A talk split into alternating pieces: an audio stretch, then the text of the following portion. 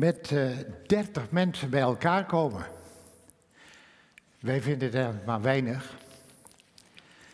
In de vervolgde kerk is men op heel veel plaatsen jaloers op gemeenten hier die nu met 30 mensen bij elkaar kunnen komen. Want op veel plaatsen zijn er niet eens 30. Daar komt men soms maar met een groepje van 10 bij elkaar. Het kan zijn omdat het gevaarlijk is met meer. Kan ook zijn dat er niet meer zijn in die omgeving. En u zag net iets van Noord-Korea. Nou, in Noord-Korea is het zelfs uitgesloten dat je als gemeente bij elkaar komt. Zo gevaarlijk is het. Ik vind het fijn dat ik vanmorgen hier mag zijn namens Open Doors.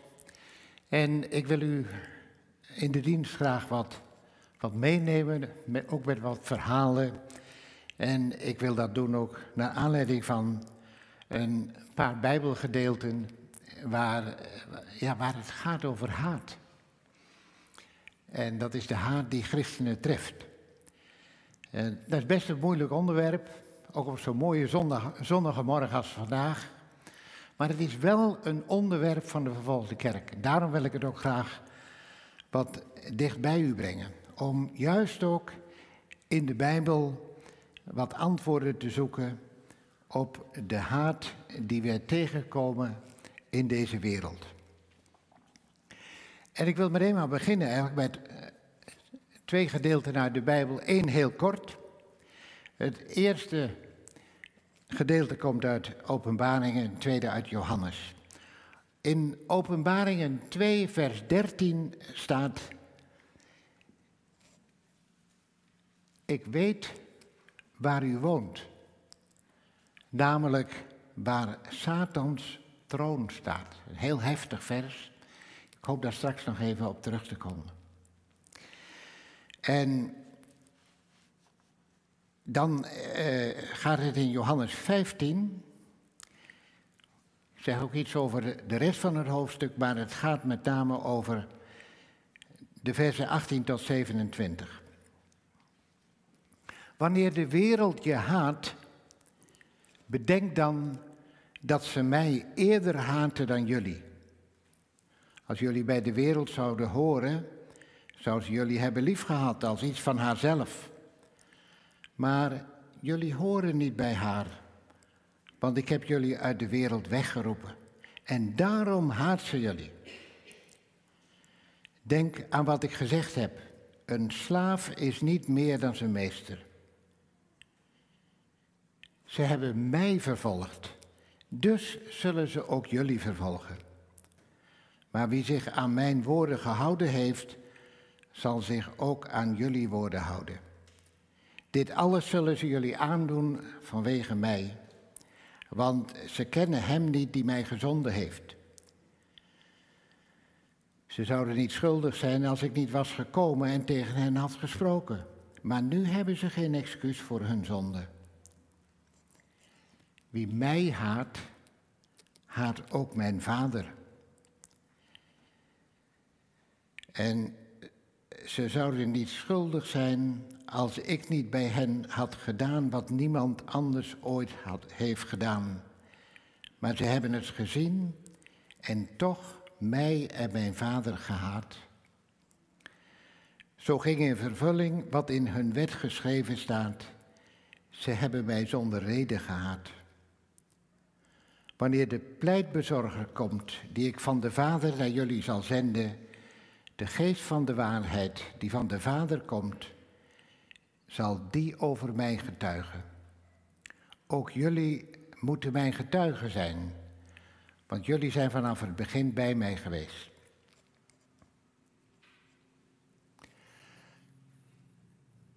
Boven mijn preek heb ik geschreven, kun je omgaan met haat? Haat. Nou, eigenlijk hoop ik een beetje dat u het woord haat haat. Eigenlijk hoop ik dat, dat het een woord is wat u niet te vaak nodig hebt. En toch is het een woord dat een plaats heeft in deze wereld. Zelfs totdat de Heer Jezus terugkomt. En ook al hoop ik dat haat uw leven niet beheerst, u kent het vast wel. Ik ben het ook bij christenen wel tegengekomen. Bijvoorbeeld tegen een ex-partner of tegen de man of vrouw van de, de, ex, de ex-man of vrouw van een zoon of dochter van iemand. En dan kun je soms horen van wat hij mijn dochter aangedaan heeft. Ik vergeef hem nooit.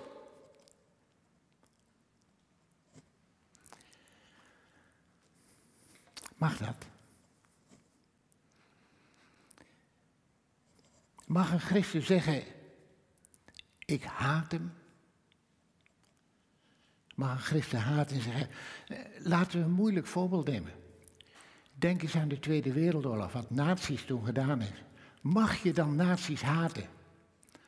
Of u weet vast van Boko Haram in Nigeria, wat die doet met, met meisjes van 12, 13, 14 jaar. Ontvoeren, verkrachten enzovoort.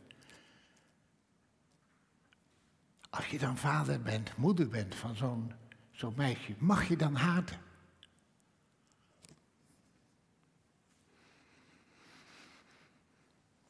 Was het onze grote meester zelf niet die zei dat we onze vijanden moeten liefhebben? En ik weet het wel hoor, het zijn gigantische problemen. Want het zal je zoon of dochter maar zijn die dingen aangedaan worden die eigenlijk onvergeeflijk zijn. Verschrikkelijke dingen, ten hemel schrijend.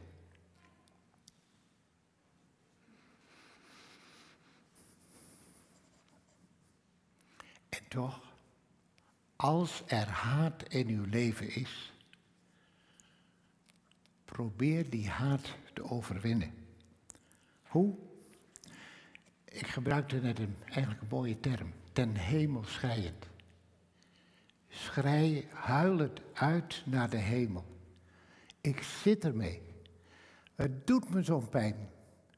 Wat moet ik ermee? Wat moet ik met die haat? En als je die haat bij onze God brengt, dan is Hij degene die het ook van ons af wil nemen. En weet wel, zolang er haat is in iemands leven, belemmer dat de liefde. En hij van wie we vorige week herdachten dat hij zijn geest uitstortte, wil in onze harten de haat wegnemen om plaats te maken voor zijn liefde. In het Bijbelgedeelte wat ik gelezen heb uit Johannes, dan gaat het over gehaat worden. En daar heeft de vervolgde kerk mee te maken. En op de ranglijst christenvervolging, ik even kijken of ik die erbij kan halen. Ja, u ziet hem slecht, maar hij ligt ook op, uh, op de stoel bij u. En u, die mag u meenemen naar huis. Uh, in elk geval, uh, die ranglijst, daarop staat, er staan 50 landen waar de vervolging het ergst is. Maar je zou kunnen zeggen, in die 50 landen worden christenen gewoon gehaat. En daarom zit men achter ze aan. En hoe donkerder die kleur, hoe zwaarder de vervolging. En u kunt misschien de contouren wat zien. En ook op het volgende plaatje, maar anders moet u thuis nog eens de ranglijst nakijken. Nou, in Noord-Korea is het dus verboden om christen te zijn. iedereen waarvan bekend is, die gaat naar een werkkamp. Naar een concentratiekamp. Dagelijks worden in deze wereld mensen gedood. Vanwege hun geloof in Jezus Christus. En dan zegt de Heer Jezus zelf in openbaringen. U woont waar de troon van Satan is. En dan moeten we goed bedenken, dat is deze wereld. We zouden graag anders hebben, maar Satan woedt op deze wereld. In de landen waar vervolging is, ook in het Westen, ook in Nederland. Ook in Nederland is hij bezig om mensen te trekken van het geloof af. Maar er staat iets heel moois voor die tekst. Ik weet waar u woont, namelijk waar de troon van Satan is. De Heer Jezus weet ervan. En Hij wil ons ook helpen om die Satan te weerstaan. Johannes wordt de apostel van de liefde genoemd. Juist hij schrijft over de haat van de wereld. En waarom is die haat er? Ze haten jullie om mij. Mag je dan zelf nog niet haten als je gehaat wordt? Ik wil bij de uitleg eigenlijk het hele hoofdstuk wat betrekken. Het was wat te lang om helemaal te lezen, dat kunt u thuis nog eens nalezen. Maar het begint met de wijnstok en de ranken. Wij moeten als mensen, als gelovigen geënt zijn in de wijnstok, in de ware wijnstok Jezus Christus. En zo kunnen we vrucht dragen in deze wereld. Als het nodig is, snoedt Hij ons. Waarom? Nou, misschien omdat we dingen toelaten in ons leven die er niet in horen te zijn. Misschien wel haat of andere zonden. Na dit gedeelte zegt de Heer Jezus tegen zijn discipelen en ook tegen ons, tegen ons als zijn gemeente, dat Hij ons heeft liefgehad zoals de Vader Hem heeft liefgehad. Hij heeft ons liefgehad zoals de Vader Hem heeft liefgehad. En hij vraagt wat terug. Ik heb jullie uitgekozen, blijf in mijn liefde. Ik heb jullie opgedragen om op weg te gaan en vrucht te dragen. Blijvende vrucht. En juist daarna zegt hij dat de wereld hem haat en dat ze ook ons zullen haten. Dus leven in liefde met hem. Vrucht dragen. En de haat van de wereld, dat heeft met elkaar te maken. En voor het woord wereld wordt hier het woord gebruikt dat de, de zondige, de van God vervreemde wereld aanduidt.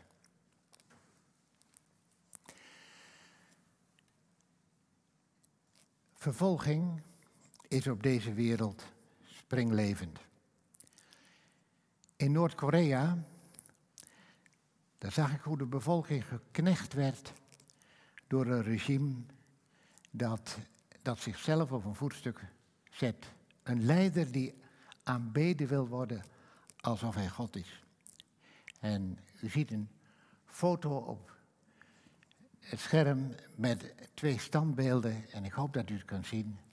Die hele kleine mensjes daarvoor. Nou, zo willen ze ook graag bezig zijn daar. De grote leiders en dat kleine nietige volk. En ja, ze moeten werkelijk buigen voor dat beeld. Het doet denken aan het beeld van Nebukadnezar. En op de volgende foto maakte, uh, ziet u een foto die ik maakte in China op het plein van de Hemelse Vrede. Mao, op de foto, de ouderen die kennen hem nog wel, jarenlang de leider geweest van China. En hij is al jaren dood. Maar het viel mij op dat een heleboel mensen met een heel serieus gezicht, en kijkt u maar eens naar die soldaat, op de foto willen met Mao. Want hij was de grote man. En hij zette zichzelf op net zo'n voetstuk als in Noord-Korea. Hier zijn mensen die zelf verheerlijkt willen worden. En dan is er geen plaats voor een hogere macht die aanbeden wil worden. En als je die ook nog moet aanbidden, dan moet hij maar weg. Vandaar ook die haat. Als u het wereldwijd bekijkt, dan worden van de acht christenen op deze wereld steeds één actief vervolgd. In 73 landen, daar, u zag een getal van 300 miljoen mensen die vervolgd worden, min of meer actief vervolgd worden, waarvan het ergste is dat ze naar het leven gestaan worden en in andere gevallen dat het leven hen moeilijk gemaakt wordt. 300.000, als u nou 300 miljoen. Als u vergelijkt met Nederland, in, uh, of met, uh, laten we vergelijken met West-Europa. West-Europa wonen een kleine 200 miljoen mensen. 300 miljoen christenen worden vervolgd. In sommige landen is vooral de overheid. In andere landen is ook vaak de familie. Die zo'n schandvlek niet toelaat in de familie van een christen. En daarom moet hij maar weg. In andere landen wordt iemand ontslagen omdat hij christen geworden is. Want ja, een christen kan in dit bedrijf niet werken. Een vorm van haat in Pakistan. Weet u trouwens dat in Pakistan dat daar 300 miljoen christenen wonen? Sorry, 3 miljoen christenen wonen. Op een bevolking van 233 miljoen is er nog maar ruim 1 procent. Maar toch 3 miljoen christenen in een land, in een moslimland als Pakistan. En die daar wonen, ook in de buurt daar in India, die hebben echt ons gebed nodig. Leven heel moeilijk. Maar Hassan in Pakistan was tot geloof gekomen. Zijn hele familie wou niets meer met hem te maken hebben. Hassan, is dat niet vreselijk moeilijk? Ja, dat, dat is ontzettend moeilijk, want familiebanden, ja, dat is ontzettend belangrijk bij ons. Maar, zegt hij dan met een brede glimlach, ik heb nu Jezus. En ik kan al mijn verdriet over de familie die ik mis, kan ik brengen bij Hem. Ik heb een relatie met Hem. Hij is mijn vriend. En daardoor kan ik verder.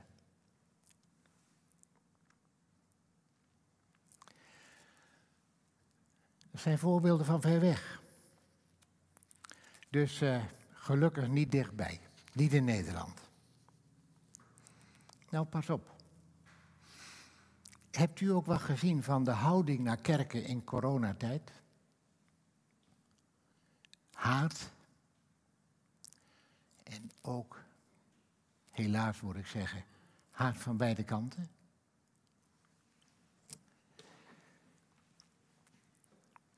Ja, u zegt misschien dat was Urk en dat was Staphorst en dat was Krimp aan. Dat doen wij niet. Nou, ging het nou specifiek om die kerken? Of zou het gaan om de kerk? De kerk die zo zachtjes aan steeds minder gepruimd wordt in Nederland. Let u maar eens op. En het tolerante Nederland is altijd niet zo tolerant. Ik wil nog een Bijbeltekst noemen. 2 Timotheus 3, vers 12. Daar staat dit. Allen die vroom en in eenheid met Christus Jezus willen leven, zullen worden vervolgd staat er ontzettend radicaal. Het staat niet, die kunnen worden vervolgd, maar die zullen worden vervolgd.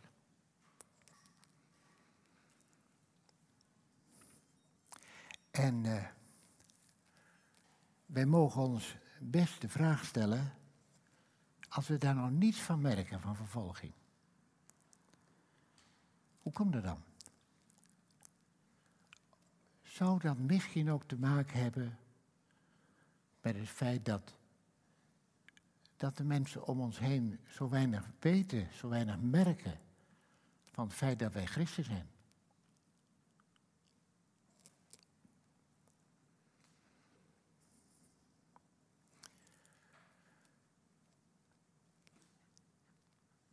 Wereldwijd bezien worden dus één van elke acht christenen vervolgd.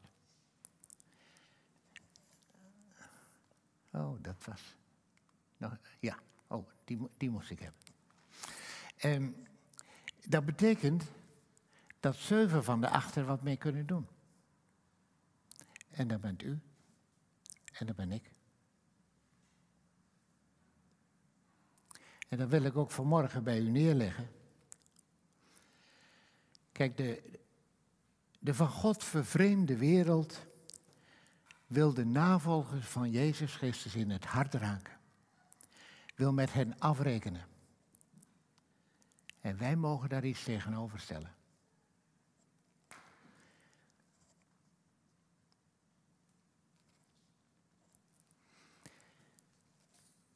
Wat dan? Nou, in China herinner ik me een ontmoeting met een man die werkte onder Noord-Koreaanse vluchtelingen. En dan moet u weten dat China in dat gedeelte, dat is in het noorden, tegen de Noord-Koreaanse grens aan, dat de politie daar actief jaagt op vluchtelingen. En als ze opgepakt worden, worden ze teruggestuurd naar Noord-Korea met het risico om of opgesloten te worden, of als iemand al vaker uh, gevlucht was, heeft hij kans dat hij meteen een kogel krijgt. Deze man die werkte super geheim. Hij had zich niet aangesloten bij een plaatselijke kerk. Hij durfde dat niet, omdat zijn werk dan wel eens verraden zou kunnen worden. Maar hij zat bij ons en hij huilde. Hij huilde van emotie. Zo blij was dat hij, dat hij spreken kon over het werk wat hij deed. Over zijn roeping. Hij was Zuid-Koreaan, hij was daar gaan wonen om de Noord-Koreanen te helpen. Deze man, ja, we hoefden daar niks te zeggen, we er alleen maar te zijn. En dat was voor hem al de grootste bemoediging. En het lijkt eigenlijk op Handelingen 28. Daar gaat Paulus naar Rome en dan komen leerlingen komen hem tegemoet. En wat staat er dan in de Bijbel? Toen Paulus hen zag, dankte hij God. Toen hij ze zag. Dus ze hoefde geen grote woorden te vertellen toen hij ze zag. Nou, eh, eigenlijk is dit ook een basis onder het werk van Open Doors dat men doet door naar de vervolgde kerk toe te gaan. Vooral er zijn voor die mensen. Dat is zo belangrijk. En dan zegt u weer, ja, u gaat er naartoe, maar ik niet. Nou, dat zit nog. Ik ben ook een keer voor het eerst gegaan.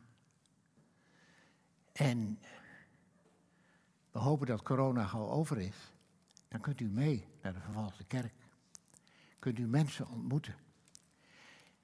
En als ze u zien, dan danken ze God. En je kunt van hart tot hart spreken. En je hoort hun verhalen. En je kunt hen bemoedigen. Maar je wordt zelf ongelooflijk bemoedigd door die prachtige verhalen van hen. Door dat prachtige geloof van hen. Hoe ze het volhouden. Hoe ze het redden kunnen.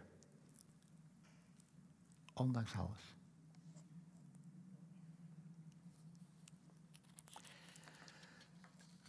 Dat is één mogelijkheid.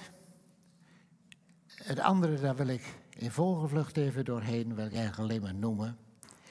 Uh, Open Doors steunt de vervolgde kerk door de verspreiding van bijbels, christelijke boeken. Worden echt miljoenen exemplaren verspreid elk jaar. Door training, training van voorgangers, training van mensen in kerk trainen om om te gaan met vervolging bijvoorbeeld. En praktische hulpverlening. Ja, soms dan moet je mensen gewoon brood geven. Want uh, dat hebben ze eerst nodig voordat je ze de Bijbel kunt aangeven. En dan denk ik ook in landen als Irak, Syrië, waar heel veel hulp is gegeven.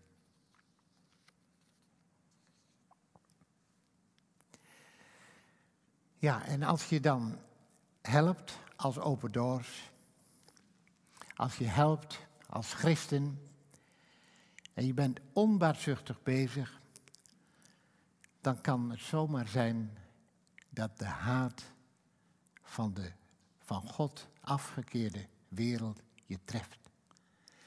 Weet u dat Open Doors gehaat wordt in een heleboel landen? Echt haat. Ze doen er ook alles aan om van alles te weten te komen over Open Doors. Om ook het werk daar te kunnen stoppen.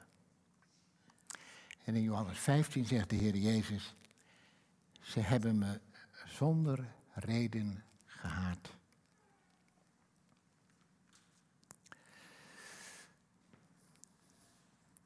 Wat moet je met haat? Ik wil u nog een verhaal vertellen van Zuid-Afrika. In de tijd van de apartheid was daar een predikant en die preekte voluit van de liefde van God. En hij deed niets liever dan die liefde van God uitstrooien over de mensen. Hij werd gehaat. Hij werd vermoord. Als je dan zijn vrouw bent, mag je dan haten? Nou, zij ging door met de boodschap van haar man. En waar ze maar kon, daar sprak ze erover. Ze kwam veel in diensten waar ze daarover de boodschap bracht. Tot op een keer komt er na de dienst, komt de man naar haar toe. Ik moet u iets bekennen. Ik was een van die mannen die uw man vermoord hebben. En je zou kunnen zeggen dat tot die tijd deze vrouw de theorie van de liefde van God gebracht had. En dat nu de praktijk kwam. En wat zei ze tegen deze man, die misschien wel met lood in de schoenen naar haar toegekomen was? Ze zegt, terwijl ze me omarmde, maar je bent nu mijn broeder. Wat doe je met haat? Deze mevrouw had het begrepen. En ik denk ook dat, ook als wij in ons hart getroffen worden, en, en de haat wil opborrelen, dat we juist dan Hem moeten vragen. Kom in mijn hart, vul het met uw liefde.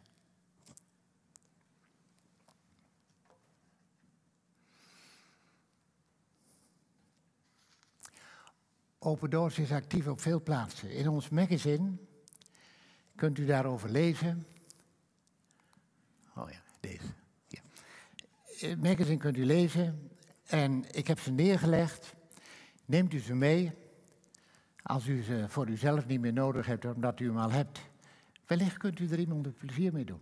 En kunt u wat vertellen over de vervolgde kerk. Want ik weet één ding zeker, in Steewijk weet lang elke christen nog niet over wat Open Doors doet. Ik hoop ook dat u hem echt open doet en dat u de gebedskalender eruit haalt. Want gebed is en blijft ons krachtigste wapen. En laten we vooral ook bidden voor de vervolgde kerk. En als u daarnaast nog wat doet, dan zal u misschien zelfs ambassadeur van Open Doors kunnen worden. Nou, en dan de laatste die ik even wil noemen. U kunt Open Doors ook helpen financieel.